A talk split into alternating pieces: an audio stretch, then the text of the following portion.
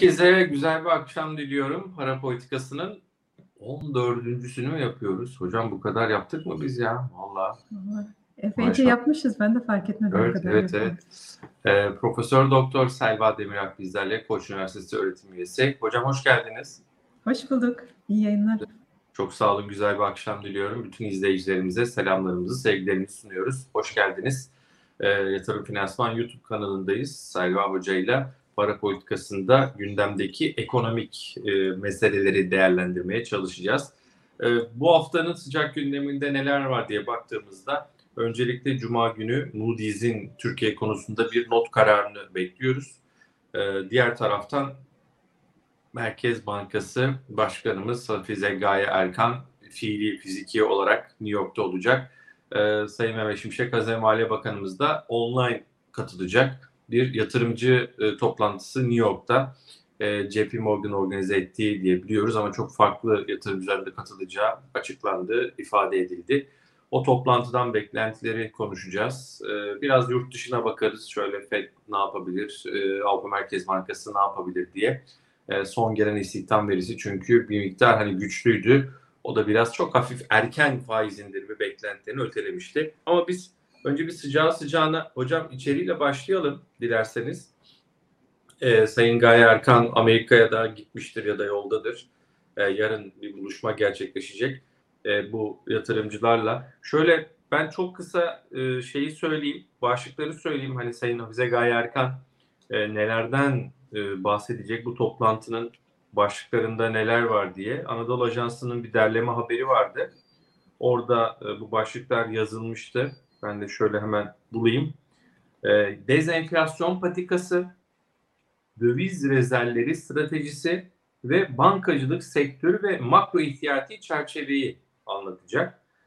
BlackRock, Vanguard, Fidelity, UBS, Morgan Stanley, JP Morgan, Goldman Sachs ve PIMCO'nun temsilcilerin katılması bekleniyor. Ee, hocam ne bekleriz? Nasıl bir toplantı olabilir? Ee, neden gidiliyor? Ee, ne dersiniz? Döviz ihtiyacımız olduğunu zaten hepimiz biliyoruz. Ee, Yani onları da çok konuşmuştuk. Hani seçim öncesi dönem düşük faiz politikası, kur üzerindeki e, baskıları engellemek için Merkez Bankası'nın e, uluslararası rezervlerinin satılması e, ve şu anda en büyük hani yumuşak karnımız ya da ekonomideki yaralardan bir tanesi döviz açığı olduğu için atılan adımlar da büyük ölçüde bu, döviz açığını e, kapatabilmek yönünde atılmıştı. Hatta ben e, bu sıkı para politikasına geçiş, hani hep U dönüşü dedik, ortodoks politikalara dönüş dedik. Oradaki esas motivasyonun da e, enflasyonla mücadeleden çok e, döviz likiditesi sorununu bertaraf edebilmek olduğunu düşünüyorum. Çünkü enflasyon yani eğri oturup doğru konuşalım hiçbir zaman bizim politikacılarımızın e, tercih sıralamasında öyle çok yukarılarda yer almadı. Ama e, döviz likiditesinin tehlikeli boyutlara gelmesi, hatta seçimlerden önce artık hepimiz bir ödemeler dengesiyle ilgili yani hadi kriz demeyelim de e, ciddi Doğru. sorunlar yaşanabileceğine dair artık endişe e, çok fazla ağızdan tekrar ediliyordu. E, dolayısıyla hani faizleri artırarak bence evet tabii ki bu enflasyonla mücadelenin de temel aracıdır ama bence esas motivasyon orada o krizi ortadan kaldırabilmekti. Çok da agresif davrandı Merkez Bankası. Hani tamam zamanlama olarak önden yüklemeli olsa daha mı iyi olurdu ki ben öyle düşünüyorum. Hani daha sonradan açıldı belki bizim ekip. E, fakat e, yani nihai olarak gelinecek nokta muhtemelen mesela geçen senelerde e, hani bu zamanlarda ya da seçim öncesinde hep konuştuğumuz zaman e, hani ne yapardınız siz Merkez Bankası'nda olsaydınız işte diyorduk ki işte 35'leri 40'lara getiririm. E, sonra bir bakarım durum nasıl. İşte oralara geldik hatta 45'lere e, daha bile onun ötesine e, şu anda getirecek gibi görünüyor Merkez Bankası. Ama ne oldu? O arzu edilen e, yabancı sermaye girişi e, çok da başlamadı. Yani başladı da çok geç başladı. İşte neredeyse geçen senenin sonuna doğru hani son 5 haftada sanıyorum 8 milyar dolar civarında bir e, yabancı sermaye girişi olmuş. Şimdi şimdi e, raporlarda görüyoruz. Reuters'ın yine bir haberi vardı. E, yabancı yatırımcıların nihayet e, Türkiye ile ilgili heyecan duyduklarını, e, kısa vadeli de olsa yatırımları e, e, göz önünde bulundurmaya başladıklarına dair. Dolayısıyla e, bu yarın olacak toplantıda bunun bir parçası. E, ikna etmeye çalışılıyor yabancı yatırımcılar. Neye ikna ediyorlar? Şimdi iki tane şey söylemeleri lazımdı. Bir, biz artık yolun sonuna geldik. Eğer e, faizlerde zirveden gelmek istiyorsanız artık gelebilirsiniz e, şeklinde ki onların da kendi karlarını maksimize etmeleri için. E, diğer ikinci sinyalde e, yolumuzdan dönmeyeceğiz. Merak etmeyin. Şimdi siz girerseniz e, birkaç ay sonra e, bu ekibin tekrar görevden alındığını, Türkiye ekonomisinin e, yeni bir finansal istikrarsızlıkla çalkalandığını görmeyeceksiniz. Biz başladığımız yolu götüreceğiz, sonuna kadar yaptığımız işi tamamlayacağız sinyalini vermeye çalışacaklar. Yarın da yine bu minvalde konuşulacağını, bu mesajların verileceğini düşünüyorum. E, ki buna güvenerek yatırımcı gelsin. Yani Kasım'da PPK metnine koymuşlardı artık yolun sonuna geliyoruz. Çok fazla faiz artışı kalmadı diye. Hı hı. Hemen sonrasında zaten işte ondan sonraki beş haftada çok ciddi bir sermaye girişi gördük. Yani birinci kısmını dolayısıyla e, hani o sinyal başarıyla verildi. Ama daha önemli ve verilmesi daha zor olan sinyal e, ne kadar e, Cumhurbaşkanı'nın desteği bu ekibin arkasında devam edecek. E, şu anda önemli. tamam. Hocam. Çok önemli tabii ki çünkü e, eğer bir Naci Abal vakası hep söylüyoruz ama bu bir travma yani bunu e, ne bizim e, anılarımızdan e, silebilmek o kadar ne kolay ne de yabancı yatırımcının. E, onu da zaman gösterecek ancak hani siz ne kadar merak etmeyin e, bana bir şey olmaz deyin Merkez Bankası Başkanı olarak e, insanların kafasında yine bir soru işareti oluyor.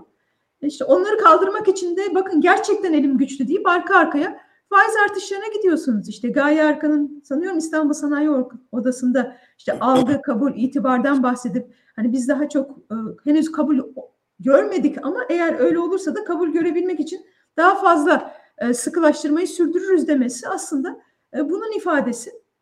E, yani yine ben, onları yapacaklar. Herhalde yapmaz. Yani böyle bir farklı bir kişiliğe düşüneyim. Şimdi piyasa ikna da 50'ye çıkar. Bence artık 50'ye çıkaramaz yani. Piyasa ikna olmadı diye. Ya da işte e, maaş zamları yılbaşı müthiş bir zam furyasıyla karşı karşıyayız. Kamu dahil. E, kamu yeniden değerleme oranı %58. Köprüde yapılan zam %70'li zamlar var. E, e, asgari ücrete yapılan zam %49, %50. E şimdi hadi o zaman Merkez Bankası ben yolun sonuna geldim ufak bir adım kaldı. 42.5'tan 45'i çıkarcım dedikten sonra hadi bir sürpriz yapsın 500 bas puanlık faiz artırsın. Yapar mı? Ben beklemem. Bilmiyorum siz bekler misiniz? Algıyı düzeltmek için kendi söylediği ifadesiyle.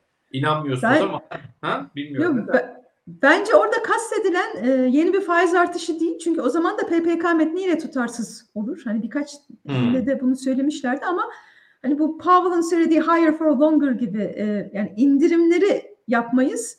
E, yuk, yukarıda tutarız faizi e, şeklinde ben e, anlıyorum ya da o şekilde yorumlarsam tutarlı geliyor genel e, verilen sinyallerle. Çünkü yakında da muhtemelen e, seninle ne zaman faiz indirimleri başlar Türkiye medyasında gündeme gelmeye başlayacak ve sabırsızlık başlayacak. Bana bence çok erken onları konuşmak için ve umarım Merkez Bankası da yapacağı iletişimle hani bunları öteler. Yani biz faiz indirimlerini konuşmuyoruz. Bunun için çok erken demesini beklerim. Neden? E, çünkü şimdi 36'lık bir yıl sonu hedefimiz var. E, tahmin diyelim ya da fark etmez aslında. Yani biraz ona da takılanlar var aslında. Hedef Merkez 5. Bankası hedefi e, hani değiştirsin. Ben hedef değiştirilmesine karşıyım açıkçası. Çünkü o bence geri teper. Ha demek ki e, artık beşi bile yukarı çıkardıklarına göre tahmin daha da e, gevşer şeklinde de bence daha olumsuz bir algı oluşturabilir. Gerçekten mi? Yapmayın hocam. Ya beş ama çok da Anlamsız bir hedef ya. Hiç orada durmasının manası yok. Yanına bir koysak tamam. Ee, 15'i ben on... razıyım. 15'i getirsinler bana imzalarım. Tamam. Beşin zaten bugünden yarına e, ulaşılacağını düşünmüyoruz ama e, bence onun sembolik bir önemi var. Zaten tek anlamı şu anda sembolik bir önemi olması. Onu da yukarılara çekersek bence o e, hani para politikasının iyice gevşeyebileceği yani artık mektup bile yazmayacaklar e, o kadar rahatladılar gibi de bir olumsuz algı yaratabilir diye düşünüyorum. Yoksa e, yani hiç kimse zaten hani beşi şu anda ciddiye almıyor. Ama tamam e, şeye bakıyoruz işte enflasyon raporuna konulmuş tahmine bakıyoruz. hani beşi de, düzeltene kadar bence esas yapılması gereken önce o tahmini revize etmemek. Çünkü bizim yakın tarihimizde hatta yakın değil hani enflasyon hedeflemesinin başladığı işte 2006'da resmi enflasyon hedeflemesine geçildi. Hep gördüğümüz sene başında konulan e, yıl sonu enflasyon tahmininin sürekli e, o tarih yaklaştıkça yukarı yönlü revize edilmesiydi. Bence önce e, işe o 12 ay öncesinden verilen sözü e, tutmakla başlamak lazım. Olabilir mi? Olabilir tabii ki. Eğer siz o 36'yı tutturabilmek için e, gereken sıkı e, adımları atarsanız ya da vaktinden önce gevşemezseniz 36'yı tutturabilirsiniz. Ama e, pek kolay görünmüyor. İşte Hakan Arı'nın hafta başında sanıyorum ya da geçen haftanın sonunda e, bir röportajı vardı. Diyor ki her ay Aralık enflasyonu 3 geldiği için e, tamam bu güzel. Eğer bundan sonra da her ay 3 gelirse diyor e, tamam e, mekanik bir hesap yaparsak 42,5 gibi bir yıl sonu enflasyonu çıkıyor. O da işte 36 tamam e, tahmin ama onun üst bandı da 42'ler gibi düşünürsek e, yani bundan sonra eğer Aralık'ta yakaladığımız o e, başarıyı 3'ü tutturursak e, 42 buçuğa ulaşıyoruz. Ama hemen e, oradan da şunu ekleyeyim. Bizim Cem Hoca e, Koç Üniversitesi'nden bir tweet paylaşmış. O da diyor ki bunu üç buçuk yaparsanız da 50'lere gidiyor enflasyon. Hani e, 3 ile üç buçuk arasında çok az bir fark var gibi görünüyor ama e, yani bunu kümülatif olarak 12 ay boyunca da olursa e, çok çabuk rayından çıkma ihtimali var. E, zaten biz seninle de konuşmuşuzdur. Bizim tahminlerimiz %50'ler civarında bir enflasyona, yıl sonu enflasyonuna işaret ettiği için ee, ben e, şu anda mevcut duruşun o 36 ya da 42 buçuğa e, pek e, erişmeye yeterli olduğunu düşünmüyorum. O zaman da ama şuraya geliyoruz. Hani sen de dedin ya 50'ye mi çıkarsın peki Merkez Bankası faizi? Biraz aslında para politikasının yapması gerekenlerin sınırlarına geliyoruz. Bunun fazlası gerçekten yıpratacak ekonomiyi. İşte orada da maliye politikası, bu sefer topu maliye politikasını atıyoruz. Yani para politikasının yapıp yapabileceği bu kadar. Ee, ama maliye politikası mesela tamam sıkı mı sıkı? Nasıl sıkı? Ciddi şekilde mesela dolaylı vergiler arttırıldı ki hani bütçeyi denkleştirebilmek için. Ama e, hani bunun yerine e, doğrudan vergileri arttırabilseniz ya da yani Mehmet Şimşek'in söylediği gibi vergiyi tabana yaymak orada da kastedilen hani bir Türkiye'de ciddi bir vergi erozyonu var. Ee, insanlar e, vergi kaçırıyor, kanunda boşluklar buluyor. Dolayısıyla gelir vergisi layıkıyla toplanamıyor.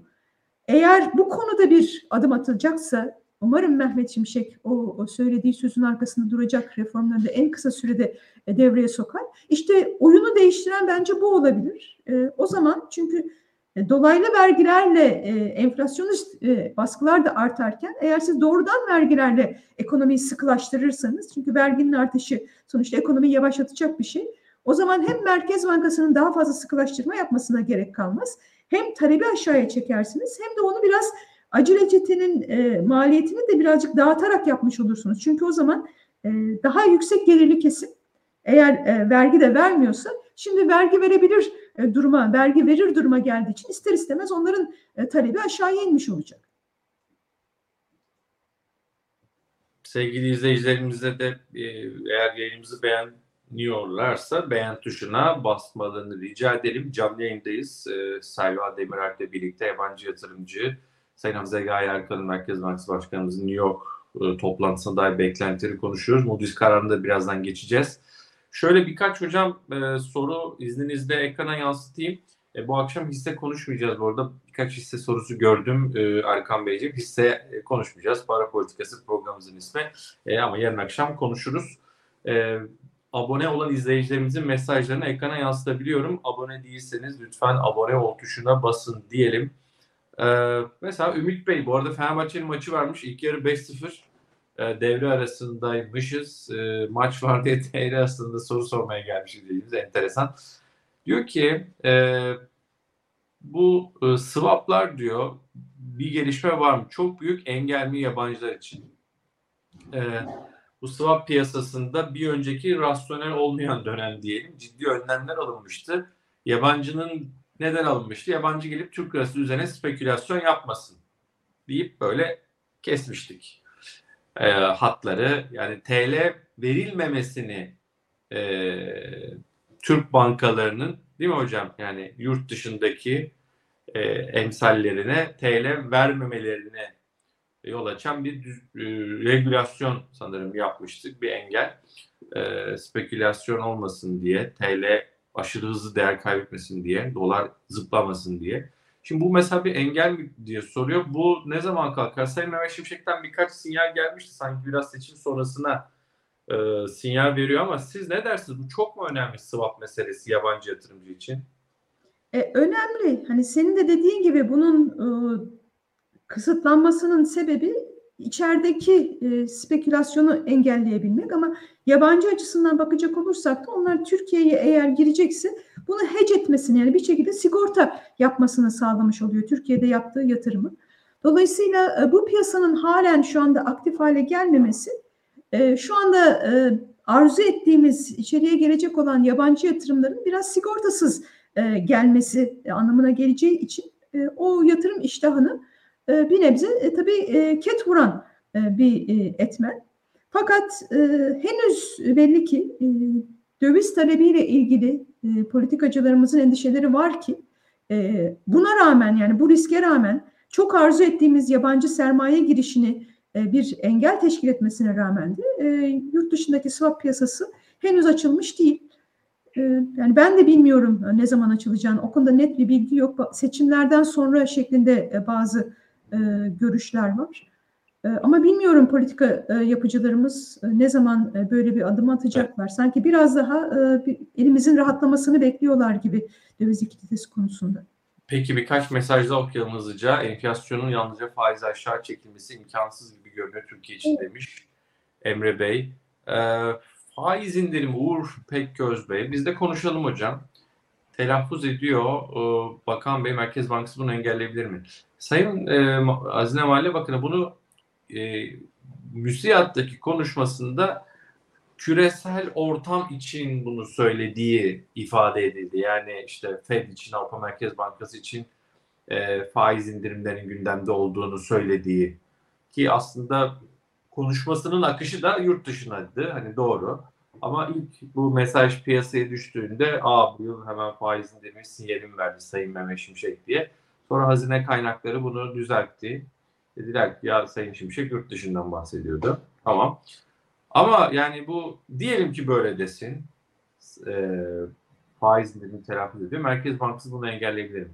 Soruyu değiştirip Cumhurbaşkanı Erdoğan koysak bu cümlenin başına Merkez Bankası bunu engelleyebilir mi?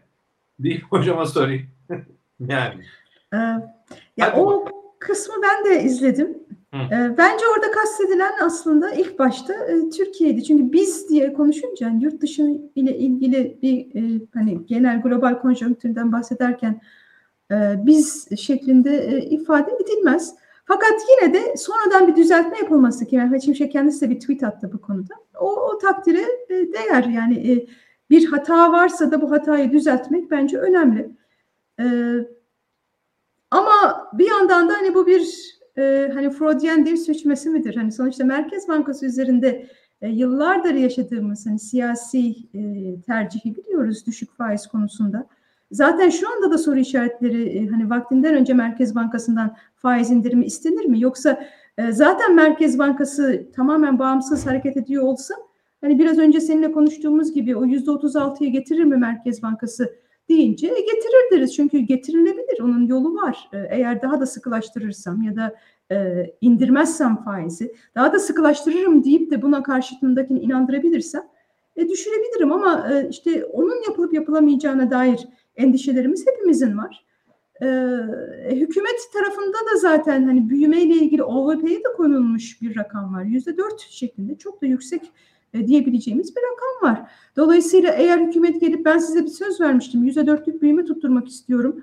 E, Merkez Bankası'nın bu faiziyle de o yüzde dört tutturulmaz. Onun için gevşetelim ki OVP'de koyduğumuz hedefe yaklaşalım derse ne diyeceğiz? E, diyeceğimiz herhangi bir şey yok. Dolayısıyla e, Merkez Bankası'nın ben engelleyebileceğini düşünmüyorum. Eğer öyle bir durum söz konusu olursa yani hükümet derse ki ben OVP'deki yüzde dörtlük hedefime e, sadık kalacağım Dolayısıyla düşür o faizleri. E, geçmişte de olduğu gibi ne zaman enflasyon mu büyüme mi diye bir tercih yapılırsa o tercih hep büyümeden yana e, kullanıldı. E, bu sefer de olabilir.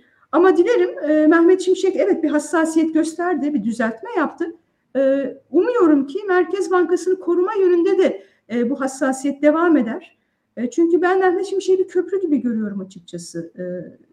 Merkez Bankası'nı korumaya ve bağımsız bir şekilde sıkı para politikası e, uygulaması için bir alan açmaya çalışıyor ve bunun için de bence Cumhurbaşkanımızı ikna etmeye e, çalışıyor. Ama hani emir demiri keser demişler. Eğer Cumhurbaşkanı tamam yeter derse Mehmet Şimşek de o durumda e, bence e, fazla bir e, rolü olacak. Bu politikalardan sözünüzü kesiyorum özür dilerim. Bu politikalardan dönüş olursa ne olur hocam?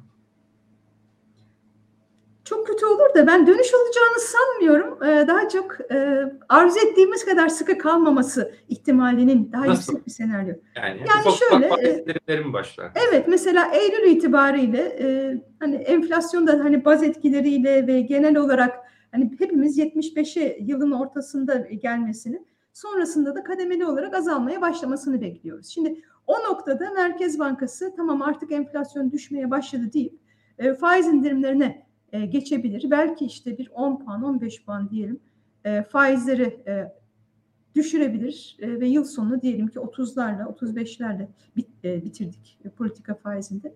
O zaman ne olur? E, enflasyonda işte 50'ler 55'lerde bence e, kalır. E, bu da biraz e, tercih olur yani. Merkez Bankası da işte yıl sonu tahminini 36'dan e, kademeli olarak önce 40'a çeker, sonra 45 yapar, sonra 50 yapar.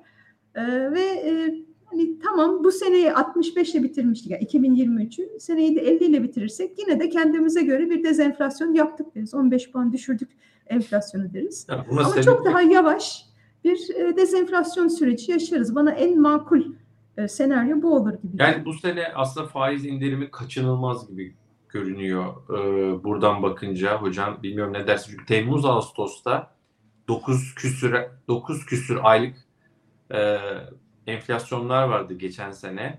E, zaten sizlerin değerli ekonomistlerin hani enflasyon Mayıs'ta zirveyi gördükten sonra e, yaz ayları sonrası o düşüş asıl düşüş baz etkisi nedeniyle Eylül'de de 5 civarı ya da 5'in üstünde tam hatırlayamadım bir aylık enflasyon var. Yani kafadan en az 20-25 puan zaten enflasyon o baz etkisiyle o iki büyük üç büyük ay çıktığında tak diye aşağı düşecek ama baz etkisiyle orada e, bence hem psikolojik olarak hem e, belki siyasi çağrılarla ya da tırnak içerisinde baskılarla faiz indir noktasına Eylül gibi dediğiniz gibi belki geçeriz. Belki daha da erken de olabilir yani. Ne bileyim Haziran'da, Temmuz'da e, çıkıp Merkez Bankası ufak ufak faiz indirmeye başlar mı? Biraz ben şüpheliyim hocam. Bilmiyorum ne dersiniz? Şimdi şunu da bilmiyoruz. Hani ne kadar sermaye girişi olacak? Eğer gerçekten hızlanırsa giderek o sermaye girişi, o zaman o tabii işimizi çok rahatlatır. E, kur üzerinden çünkü gelen baskılar azalmışıyor. Türk lirası böyle bir değer kazanmaya başlasa, o zaman eli rahatlayarak Merkez Bankası faiz indirebilir. İdeal senaryo tabii ki o olur. Yani biz şu anda e, seninle hani mevcut hani zayıf sermaye girişleri olursa devam ederse ne oluru e, tartışıyoruz. E, ama eğer sermaye girişleri hızlanırsa o zaman hem Merkez Bankası faizi bir parça düşürebilir hem de enflasyon belki o zaman e, yine 42'lere doğru e, inebilir. E, ama onu birazcık görmemiz lazım. tabii. Görmek lazım. Yani yılın başın ya da seçimlerden hemen sonra da hep umudumuz hani faizler artsın, sermaye girişi gelsin ve hani çok fazla bir ödünleşme olmadan bu işi devam ettirelim de ama o olmadı. Dolayısıyla e, ödünleşme de e, olacak. Yani şu anda hep e, baktığımız zaman e, analistlerin, IMF'nin, Dünya Bankası'nın tahminlerine hani eğer bu enflasyon tahminini tutacaksa e, büyümenin de e, üçlere hatta üçün altına inmesi lazım e, demeye başladılar. E, ya ben pek büyümeden feragat edileceğini zannetmiyorum. Dediğim gibi bence e, o büyüme yine OVP'ye yaklaşır. Ama hem büyümeyi OVP'deki dörde yaklaştırıp hem enflasyonu düşürebilir miyiz? İşte sermaye girişi olursa. Bakalım onu da göreceğiz. Evet, bu TL reel olarak değer kazanabilir e, yorumları var. Aslında bu soruya da cevap vermiş oldunuz mu? Ekstra bir yorum yapmak ister misiniz? Mesela HSBC dedi ki benim bu yılki tahminim dolar TL'de 2024'te 33 dedi. Yani sadece %10'luk bir değer kaybı dedi. Şimdi o, hadi Merkez Bankası'nın enflasyon tahminiyle gidelim yıllık %36. Onun bayağı altında TL'nin reel olarak değer kazandığı bir tablodan bahsediliyor. Ee, diğer başka aracı kurumlar da işte 38 diyen var, 36 diyen var. Ee, biz %36'lık e, bir faizle şu anki 30 olan kuru yıl sonuna götürsek 41 civarına zaten geliyor. 40, dolayısıyla 41'in altındaki her dolar TL yıl sonunda TL'nin reel olarak değer kazandığı bir tabloyu bize ortaya koyacak. Siz e, yani hatta TL'ye geçmenin zamanı gelmiştir de dedi Sayın yine Merkez Bankası Başkanımız hocam hatırlayın. Böyle hakikaten TL'nin reel olarak değer kazandığı bizi o alıştığımız kur sıçramaların olmadığı bir yıl acaba yaşayabilir miyiz? Ee, sizin bu konudaki değerlendirmeniz, tahmininiz ne olur? Hangi şartlar, neler olmalı? Reel olarak değer kazanacak gibi görünüyor. Ee, bunun e, siyasi bir tercih olduğunu da e, görüyoruz. Ee, çünkü hani, hani şunu söylemiştik hani para politikası artık daha fazla ne kadar faiz arttırsın da enflasyonla mücadele edelim. Eğer faiz arttırarak e, çok fazla mücadele yapamayacaksak o zaman kurdan gelen geçişkenliği engelleyerek o da bir aslında enflasyonla mücadele yolu diye düşünülebilir. Hani pek e, hani üstü kapalı bir tabii e, para politikası bu. Çünkü para politikası değil aslında rezerv satmanız gerekiyor. Ama bunların da zaten biz kontrollü olarak yapıldığını biliyoruz. Yani şu anda e, dolar TL kuruna baktığımız zaman e, Merkez Bankası'nın hani tırnak içinde müdahale edemeyelim de hani söylüyor zaten Merkez Bankası. Ben işte evet. KKM dönüşleri olduğu zaman hani buna, bu konuda yardımcı oluyorum diyor ama bir rezerv e, piyasaya sokuluyor, enjekte edildiğini biliyoruz. Dolayısıyla eğer reel olarak Türk lirasına değer kazan, e, kazanacak diyorlarsa bence biz bunu bu şekilde yapacağız e, şeklinde onu algılamak lazım. Serbest piyasada illaki yani olur mu olmaz mıdan ziyade yani öyle olmasını istediğimiz için o kadar e, değer kaybetmesi, yani nominal olarak değer kaybedecek ama enflasyon kadar değer kaybettirmeyeceğiz e, Türk lirasına e, diyor bence otoriteler. E, bu yabancıya bir mesaj mı? E, evet yani dediklerini yapabileceklerini düşünüyorum. E, ve Az önce de bahsettiğimiz gibi sermaye girişi devam ettiği sürece e, de daha rahat olacaktır Merkez Bankası'nın. Ama hani nereye gelir hani 41'in e, ne kadar altına iner onu o tabii onların takdiri onu onu bilebilmek çok zor. Peki biraz yine iz, izin verir misiniz hocam izleyicilerimizin mesajlarıyla da devam edelim. Ee, çok güzel çünkü enteresan e, mesajlar var. Canlı yayındayız. Efendim e, abone olan izleyicilerimizin mesajlarını yansıtabiliyoruz. Bir kez daha hatırlatıyorum. E, abone değilseniz ücretsiz bir şekilde abone olun. Beğen tuşuna da basmayı unutmayın. Yusuf Tuncer Bey sağ olsun bize e, destek vermiş yine. E, acı reçeteyi daha ne kadar alacağız? Ne zaman enflasyonda en iyi yüzde yirmileri göreceğiz demiş. E, var mı tahmin? ee, çok kısa zamanda görebilmemiz mümkün değil. Ee, bu da aslında çok hüzünlü bir soru bu soru. Ben bu soruyu kendim de kendime soruyorum ve üzülüyorum. Çünkü işte iyi dediğimiz 20'ler bu arada. En iyi 20'ler. Evet. E, yani o 20'ler de işte bu hani maceracı diyeyim politikalara geçtiğimiz dönem Eylül 2021 hani yeni 20, ekonomi modeli denmişti o dönemde. Yüzde 20'lik bir enflasyon var. Yüzde 20'lik bir politika faizi var. Ee, ve e, hani işte bir iki senelik bir olay bu. Hani iki sene içerisinde hatta Eylül 2021'den Eylül e, 2022'ye kadar e, enflasyonun 20'lerden işte önce 85'lere çıktığını sonra 65'lere düştüğünü gördük. E, ama işte o bir sene, bir buçuk senede e, oluşan zarar hani işte ne oldu? E, 20'den faizi 8,5'a indirdik. Evet. E, ama şimdi 8,5'tan e, 20'ye değil iki katına 40'a çıkardık. Fakat yetmiyor. Tekrar o kadar 20'ye e, geri getiremiyorsunuz. Orada Çünkü enflasyon kere... 85'e gitti TÜİK'in rakamıyla. Tabii o da TÜİK'in rakamıyla. Hani bazen o, konuda da e, hani serzenişler oluyor da yani mecburuz resmi rakamlar üzerinden konuşmamız gerekiyor. Yoksa çok spekülatif oluyor e, bu çalışmalar, bu yorumlar. E, ama zaten TÜİK'in rakamlar üzerinden bile konuşsak hani derdimizi anlatabildiğimizi düşünüyorum. O rakamlar bile çünkü son derece e, rayından çıkmış bir enflasyona işaret ediyor ama evet e, hissettiğimiz enflasyon daha yüksek. E, ama onu bilemediğimiz için tam olarak e, hani hissettiğimiz enflasyonu rakamlara yansıtsaydık o ne olurdu?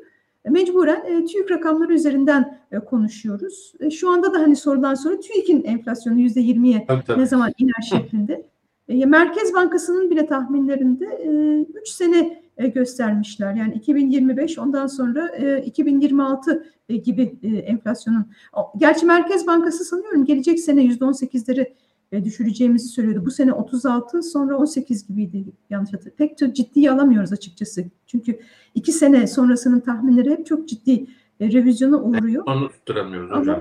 Evet. Yani bu şekilde devam etsek e, muhtemelen 3 sene içerisinde e, olabilir. Eğer e, Üç gerekli vakte kadar.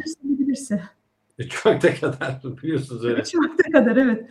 Biz de öyle deriz. Üç yıl mı desem, üç ay. Üç ay diyemeyeceğimiz kesin de e, inşallah 13 e, ay sonra olur diyeyim. Şöyle biraz e, devam ediyorum. Yine sorulardan bol bol mesajlarınızı, sorularınızı gönderebilirsiniz. Ozan Bey, mevduat faizlerindeki düşüş seçime kadar devam eder mi? Size ekonomi yayında da ufak bir sormuştum değerli hocam Ekonomi Gazetesi'nin YouTube kanalında. E, bu konuda e, bir yorum yapmak ister misiniz? Böyle zirveden 3-5 puanlık mevduat faizlerine geri çekilmeler görüyoruz. E, düşüş devam eder mi diyor Ozan Bey. Bu da garip yani enflasyon her ne kadar enflasyon beklentileri denebilir ki kardeşim manşet enflasyon yukarı gidiyor ama enflasyon beklentileri aşağı geliyor. Bunu da daha ne kadar başaracağız bilmiyorum. Yani enflasyon yukarı giderken böyle sanki bir ay iki ay daha gidecek sonra aşağı gelecek değil. Mayıs'a kadar biz enflasyonun çatır çatır yukarı gitmeye devam edeceğini öngörüyoruz. Hele bir Ocak enflasyonla muhtemelen karşılaşacağız. Bayağı şaşırtıcı olacak. Geçen sene 5-6 yani düzeltiyorum bu sene 5-6 gelebileceği aylık olarak tahmin ediliyor şimdiden. Şimdi e, bizim 45'lerden 41'lere düşen enflasyon beklentilerimiz nasıl kalacak burada yukarıya giderken bu manşet enflasyon? Umarım kalır. Bu başka bir tartışma ama e, mevduat faizlerinin bir tık daha aşağı gelme, daha da aşağı gelme ihtimali ne dersiniz?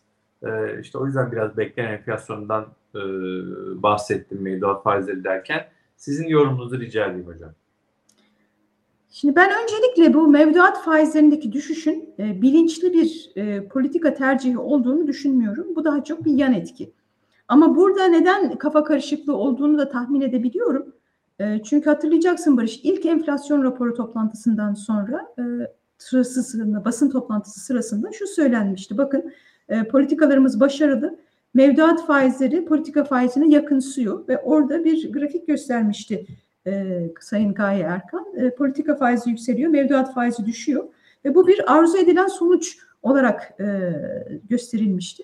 Sonrasında o söylem değişti. Ben o zaman da bunu çok eleştirmiştim. Yani bir para politikası, e, parasal aktarım mekanizması bütün piyasa faizlerinin e, politika faizi doğrultusunda değişirse buradan bir e, gurur duyulması gerekir. Yapılması gereken de o olmalı zaten. Eğer bir yakınsama olacaksa ben politika faizini yükselteyim. Mevduat faizi de yükselir. Biz yukarıda bir yerde buluşuruz.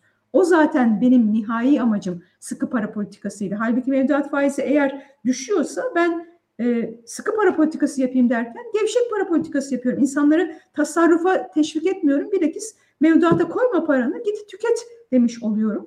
Sonradan bu söylem değişti ama sonradan e, mevduat faizleri yükselmeye başladı.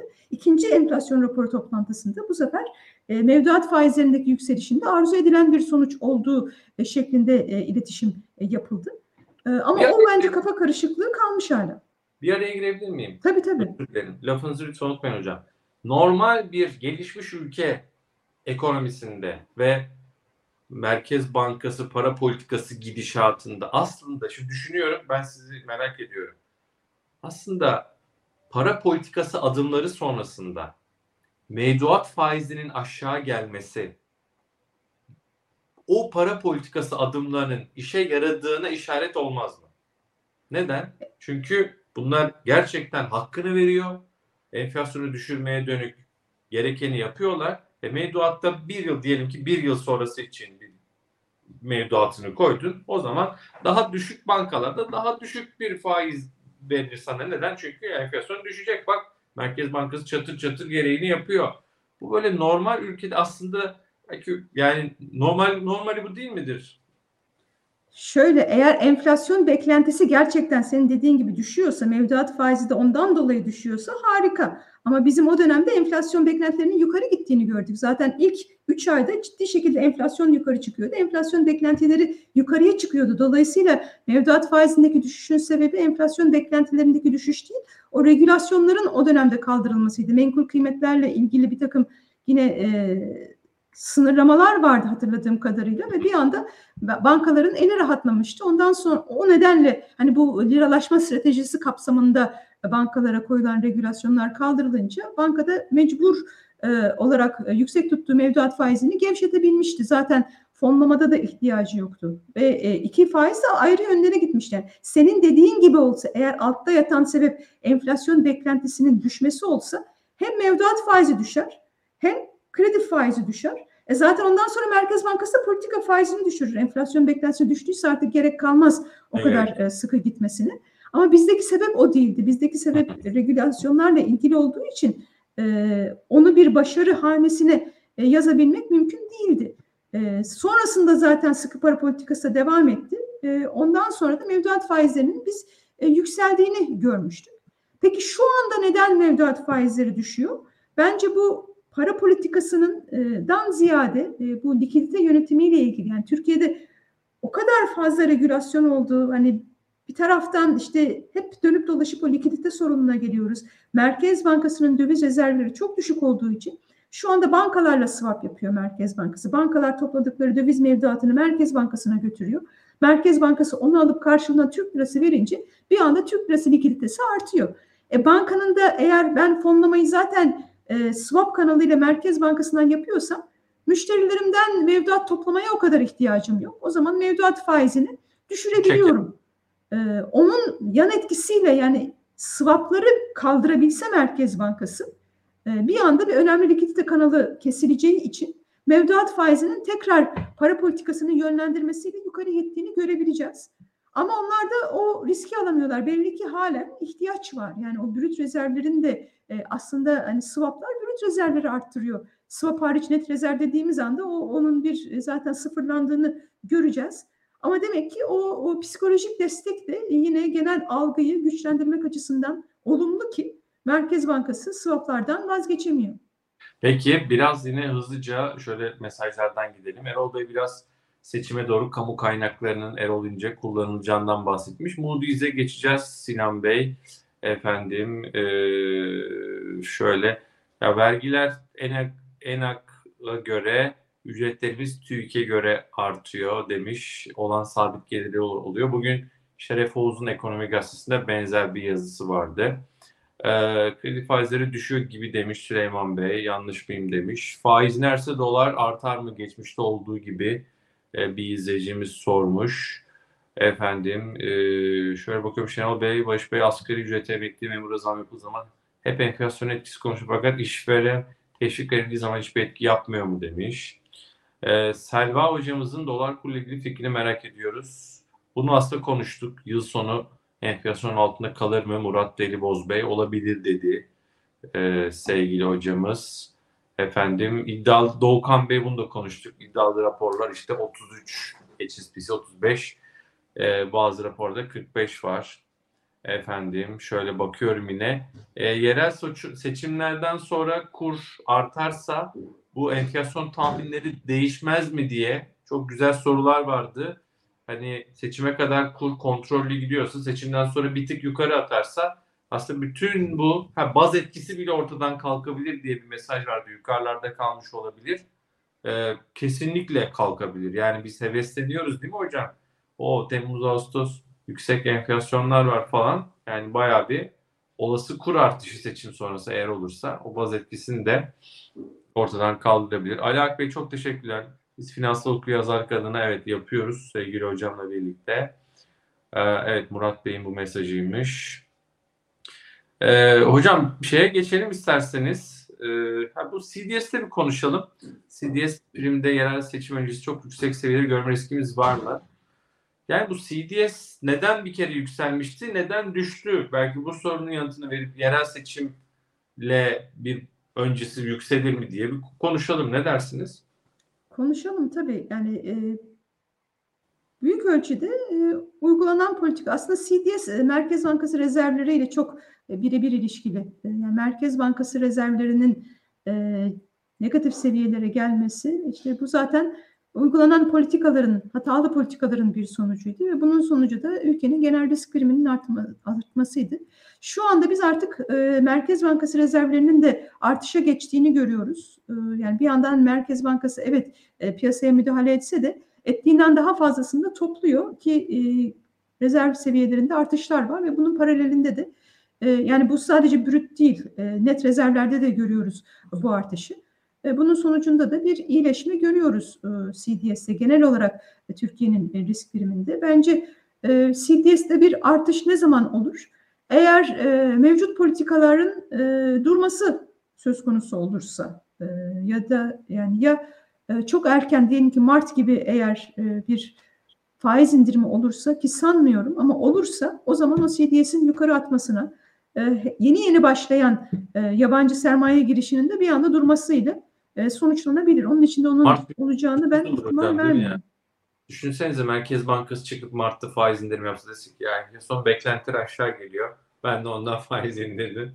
Ama yapmaz bunu herhalde. Ocak'ta müthiş bir Ben de Ee, sanmıyorum. Yani bu kadar hani e, zoru başardı sonuçta Merkez Bankası. Hani hiç seçim düşünelim. Yani birinci turdan sonra bile biz Cumhurbaşkanı'nın e, CNN International'a verdiği e, mülakatta faiz indirimleri devam edecek denirken e, bu buraya geldik. Cumhurbaşkanı'nı ikna ettiler. E, bu kadar e, zoru başardılar bence. Yani bunu devam ettirirler. Yani yoksa hakikaten şu yaptıklarımız da boşa gidecek Hiç anlamı diye olmaz. düşünüyorum. Hiç anlamı Evet. olmaz. Ee, o nedenle de biraz daha bence e, yani o konuda biraz iyimserim. Yani bu kadar zoru yapabildilerse bundan sonrası biraz daha kolay. Bundan sonrası en azından mevcut seviyeyi tutturup e, devam ettirebilmek. Daha fazla faiz artışına değil e, mevcut e, faizi e, bu seviyelerde tutmaya ikna edecekler Cumhurbaşkanımızı. Onu sanki daha rahat yapabilirler gibi geliyor. Peki. Ya Abdullah Bey emeklinin dargelinin CDS'i bitik durumda demiş. Aslında bu konuya dair hocamın e, BBC Türkçe'de bir yazısı vardı. E, değil mi hocam? E, buna biraz e, bir, bir tık değinelim sonra Moody's'e geçelim. E, son başlık için. Şöyle yani şöyle yorumlar da diyorum ben. Hatta bugün Emre, Alkin, Emre Hoca ile konuştuk yine sabah yayında. Ya şöyle yorumlar var diyor, deniyor ki ya düzelen bir şey yok. Hani ne enflasyon düştü, hani ne e, işte satın alma gücü arttı. E, hani vatandaşa yansıyan hiçbir şey yok. Hatta vatandaş belki artan kredi kartı faizleriyle ya da ihtiyaç kredi faizleriyle yükselen, çok yükselen kredi faizleriyle belki daha bir zor duruma bile geldi kendini çevirme anlamında. Bu, buna eleştirenler de ben diyorum ki tamam güzel, ha, düzelmedi mi? E o zaman eskiye dönsek acaba daha mı iyi olacak diye. Hani tamam hani bu çok henüz yansımadı.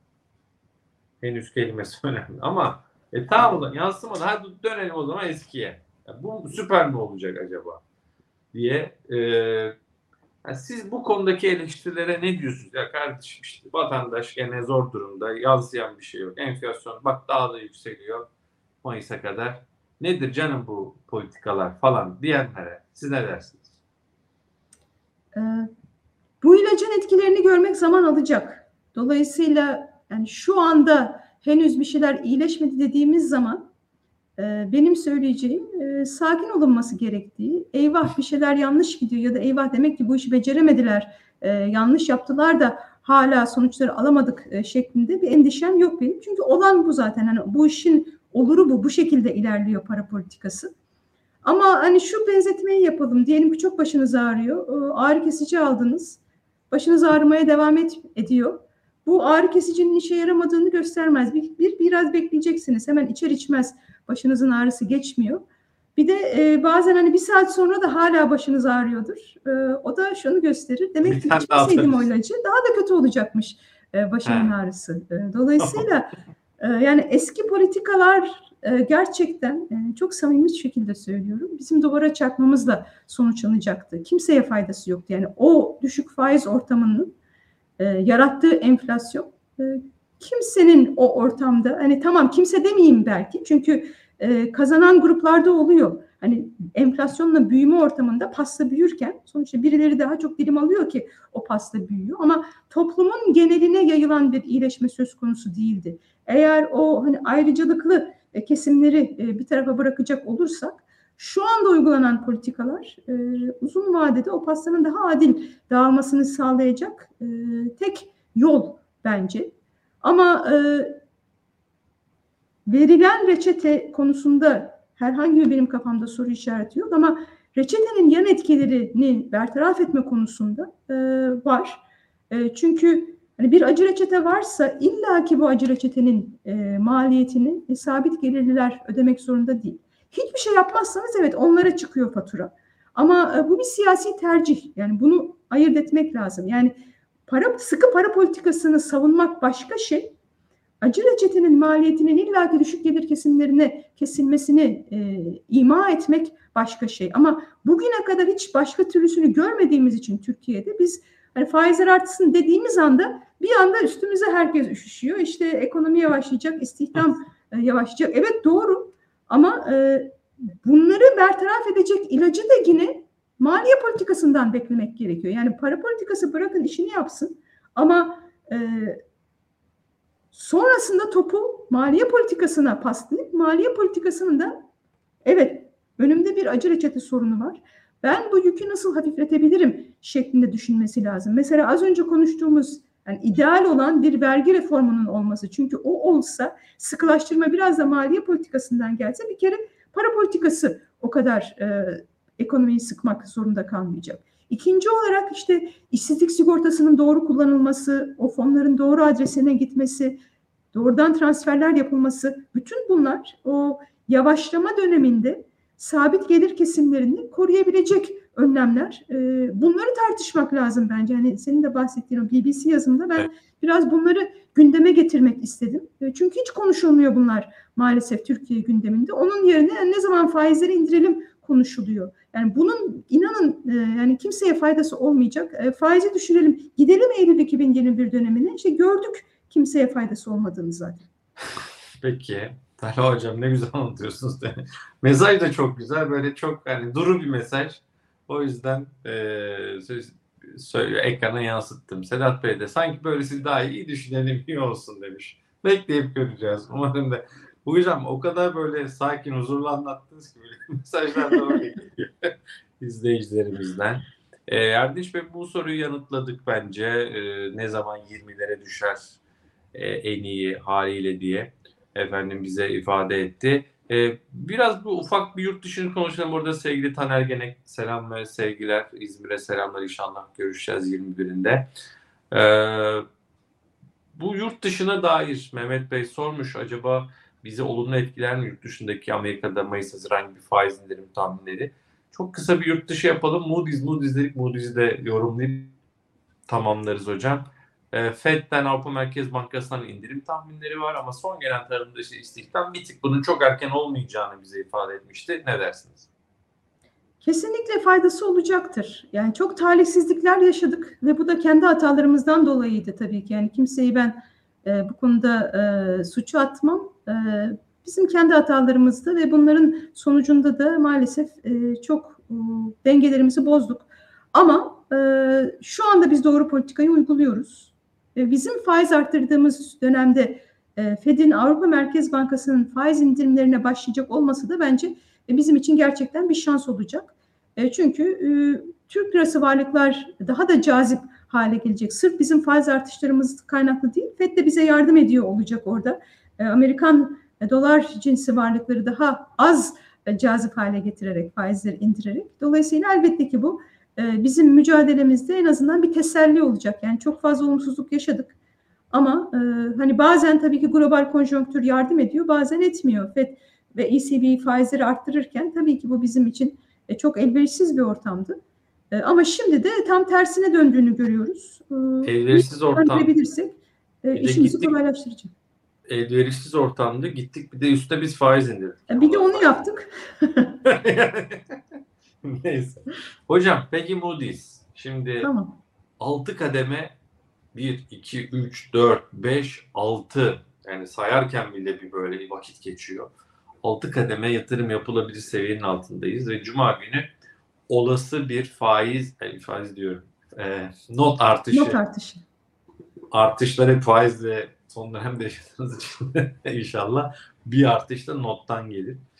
Bekliyor musunuz? Görünüm ve pozitif şeker diyenler var. E, not artışı diyenler var. Yani Moody's'in en son değerlendirmeleri. Bir de ya bu kadar iş yaptık. Hani o kadar faiz arttırdık. Rasyonel politika. Hiç mi insan bir kademe, iki kademe falan böyle selam çakmaz bu politikalara? Ben de hakikaten anlamakta zorlanıyorum. Ne dersiniz? Ee, arttırabilir. Arttırması da gerekir. Çünkü hani çok hızlı bir şekilde biz e, notumuzun kredi derecelendirme kredi derecelendirme kuruluşlarının el birliği, ağız birliğiyle e, kredi notumuzu arka arkaya düşürdüğünü gördük. Yani 2016 e, yılı sonrasında bir de grafik vardı belki onu arkadaşlar da gösterebilirlerse. Yani arka arkaya biz e, kredi e, notumuzun düştüğünü gördük. Burak'tan e, en son 2013'te e, sanıyorum 3 e, büyük kuruluş da bizi e, kredi e, yap, yatırım yapılabilir e, seviyesine yükseltmişti. Ama evet işte bu grafikte e, görüyoruz e, 2016 sonrası o basamakların hızla aşağıya doğru indiğimizi. Yani şu anda da senin de dediğin gibi 6 kademe altındayız e, yatırım yapılabilir seviyesinin ve e, baktığımız zaman hani bizimle aynı grupta hangi ülkeler var diye durum e, gerçekten e, çok içler acısı. B3 bizim e, Moody's'in e, derecelendirmesindeki yerimiz ama hani B3'te e, bizden başka kimler var e, diye baktığımız zaman e, gerçekten e, hiç hak etmediğimiz e, ülkeler e, işte Belarus'u mu ararsınız? E, şimdi şuradan e, bir tablo hazırlamıştım ona bir, bir bakayım dedim. Mesela evet Belarus, Bosna Hersek e, Mısır Gana yani bunlar tamam hani hata yaptık hatamızı kabul ediyoruz da yani bu kadar da düşük bir seviyede olmayı hak etmiyoruz. En azından şimdi hak etmiyoruz. Yani çok maceracı ve hani e, körü körüne duvara gider gibi e, giden politikalar uygulayınca belki endişe edip e, notumuzu düşürdüler. Ama e, artık hani pişman olduk e, ve bir U dönüşü de yaptık. Bu noktada e, çok hızlı bir şekilde de e, yukarı aslında 2-3 basamak bir kere çok rahat e, çıkmamız gerekir. Hani şu anda beraber aynı kategoride olduğumuz ülkelerle alakamız yok. E, dolayısıyla eğer bir not artışı yaparlarsa yapmaları gerekir. E, bu sürpriz olmaz ama e, gidecek de daha çok yolumuz var. E, yani o basamakları nasıl ki indik birer birer e, tekrar e, çıkacağız. E, zor değil yani doğru işleri yaptığımız zaman da gördük yani aynı e, üç kuruluşta sonuçta bunlar e, verdik tamam siyasi etkiler de olabiliyor bu kararlarda. Hani e, sütten çıkmış ak kaşık değiller. E, fakat sonuçta verdikleri tavsiyelerle de e, Türkiye'nin yatırım potansiyelini iyi yansıtıp e, eğer müşterilerine e, para kazandırabiliyorlarsa da onlar kendileri para kazanacaklar. Dolayısıyla tamamen siyasi ve çarpıtılmış e, yorumlarda olmuyor bu tür yorumlar. Onun için de e, Türkiye'deki e, düzelmeleri e, değerlendirip eğer e, bunun sürekliliğine dair ikna olurlarsa da bence hızla arka arkaya not artışlarını da göreceğiz. Peki hocam e, valla bir saatte yakın yaklaştık neredeyse bir saat. Çok teşekkür ederim ben. E, ağzınıza sağlık. E, çok keyifli bir yayında her zaman olduğu gibi. Değerli izleyicilerimize de katkıları için çok teşekkürler. Çok güzel sorular sordular hakikaten e, finansal okuryazarlık diyoruz. E, bu yayını takip eden çoğu izleyicimizin bu konuda çok iyi olduğunu çok net bir şekilde söyleyebilirim. Bu yayınımız daha sonra da izleniyor e, YouTube'da. E, onlara da şimdiden teşekkür ediyoruz. Yayınımızı beğendiyseniz beğen tuşuna lütfen basın. Abone değilseniz de abone olmayı ihmal etmeyin. Güzel bir akşam diyorum hocam. Görüşmek üzere bir sonraki yayında. Para politikasında ağzınıza sağlık. Allah'a ısmarladık. Teşekkürler. Görüşmek üzere. Thank you.